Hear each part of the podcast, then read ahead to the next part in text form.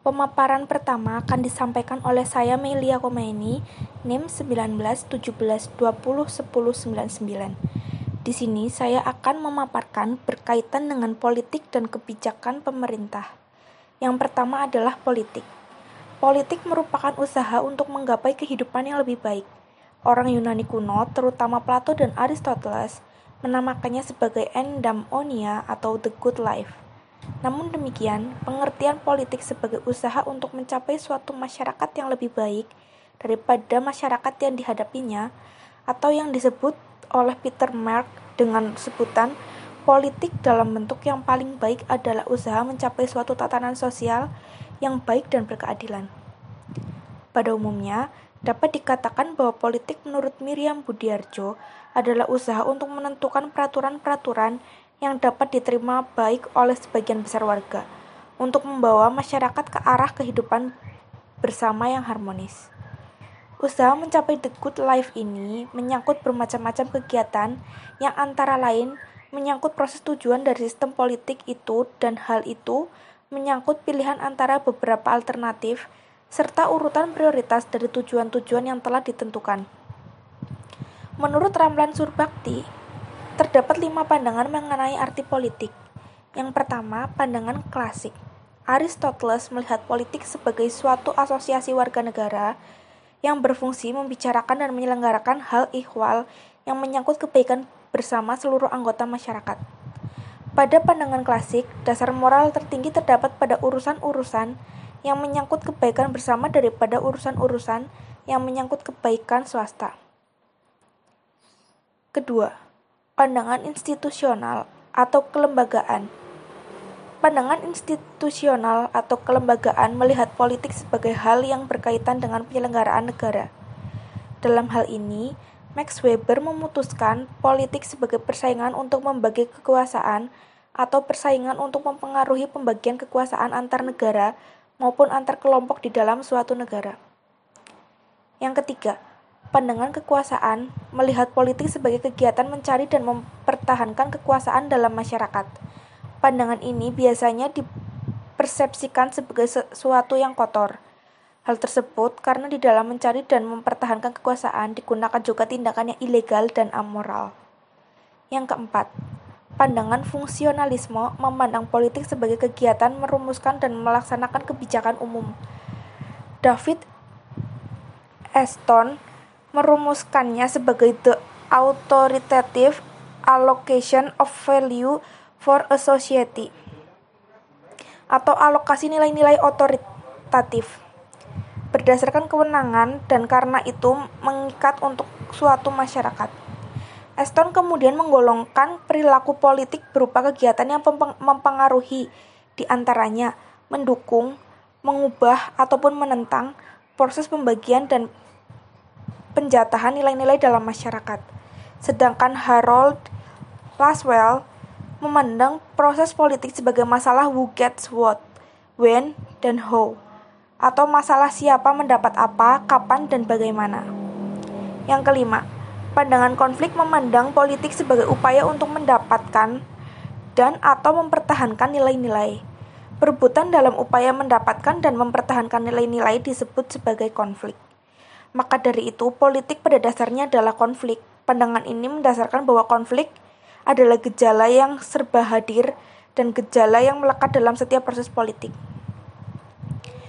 Yang kedua adalah kebijakan pemerintah. Kebijakan adalah suatu kumpulan keputusan yang diambil oleh seorang pelaku atau kelompok politik dalam usaha memilih tujuan dan cara untuk mencapai tujuan tersebut. Pada prinsipnya, Pihak yang membuat kebijakan-kebijakan itu mempunyai kekuasaan untuk melaksanakannya. Untuk lebih jelas memahami pengertian di atas, berikut ini dikemukakan definisi kebijakan dari beberapa ahli. Di antaranya, yang pertama, Laswell dan Kaplan. Beliau mendefinisikan kebijakan sebagai suatu program pencapaian tujuan, nilai-nilai, dan tindakan-tindakan yang terarah. Yang kedua adalah Rakasasataya Rakasa Sataya mendefinisikan kebijakan sebagai suatu taktik dan strategi yang diarahkan untuk mencapai suatu tujuan. Yang ketiga, Fred Rich. Fred Rich mendefinisikan kebijakan sebagai serangkaian tindakan yang diusulkan oleh seseorang, kelompok, atau pemerintah dalam suatu lingkungan. Dengan menunjukkan hambatan-hambatan dan kesempatan-kesempatan pelaksanaan usulan kebijakan tersebut dalam rangka mencapai tujuan tertentu. Yang keempat, Anderson Anderson mendefinisikan kebijakan sebagai serangkaian tindakan yang mempunyai tujuan tertentu yang diikuti atau dilaksanakan oleh seorang pelaku atau sekelompok pelaku guna memecahkan masalah tertentu. Dan yang terakhir adalah Mac, Wright, dan Wilde. Beliau mendefinisikan kebijakan sebagai serangkaian tindakan yang dipilih dan mempunyai arti penting dalam mempengaruhi sejumlah besar orang. Sedangkan untuk definisi kebijakan pemerintah itu sendiri pun telah banyak dikemukakan oleh para ahli, di antaranya yang pertama adalah McRae and Wild mendefinisikan kebijakan pemerintah sebagai serangkaian tindakan yang dipilih oleh pemerintah yang mempunyai pengaruh penting terhadap sejumlah besar orang. Implikasi dari definisi ini bahwa kebijakan pemerintah itu terdiri dari berbagai kegiatan yang terangkai dan berdampak kepada banyak orang. Selanjutnya ada Thomas R. Dieu mendefinisikan kebijakan pemerintah sebagai apa pun yang dipilih oleh pemerintah untuk melakukan sesuatu atau tidak melakukan sesuatu.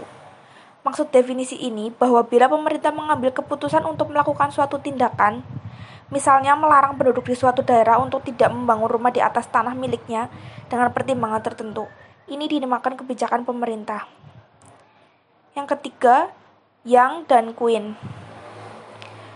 Yang dan Queen mendefinisikan kebijakan pemerintah sebagai tindakan yang dibuat dan diimplementasikan oleh badan pemerintah yang memiliki kewenangan hukum, politik, dan finansial untuk melakukannya. Definisi ini menunjukkan bahwa kebijakan pemerintah itu merupakan tindakan yang dibuat dan dilaksanakan oleh pemerintah yang berwenang pada badan-badan atau lembaga-lembaga pemerintah, termasuk di dalamnya kewenangan hukum, politik, dan finansial. Dan yang terakhir ada Anderson. Anderson mendefinisikan kebijakan pemerintah sebagai kebijakan-kebijakan yang dikembangkan oleh pejabat-pejabat pemerintah. Jadi, menurut Anderson, setiap kebijakan pemerintah selain di, selain dapat dikembangkan oleh badan-badan pemerintah, seperti contohnya adalah lembaga legislatif, eksekutif, dan yudikatif, juga dapat dikembangkan oleh pejabat pemerintah baik di level nasional, regional, ataupun lokal. Poin ketiga adalah ruang lingkup kebijakan pemerintah. National Association of Public Affairs and Administration atau biasa disingkat dengan NASPA mencoba merumuskan ruang lingkup bidang kajian kebijakan pemerintah meliputi lima hal berikut. Yang pertama, suatu proses memformal, suatu proses memformulasikan, melaksanakan, dan mengevaluasi kebijakan. Yang kedua, suatu strategi untuk mengoptimalkan dan memilih alternatif-alternatif. Yang ketiga, suatu atribut yang jelas untuk membedakan antara kebijakan yang masih bersifat relatif ke suatu kebijakan yang jelas dari bidang-bidang fungsional tertentu seperti kesehatan, transformasi, dan lain-lain. Yang keempat, memerlukan kecakapan-kecakapan untuk menganalisis sosioekonomi, diagnosa politik, identifikasi isu, dan evaluasi program.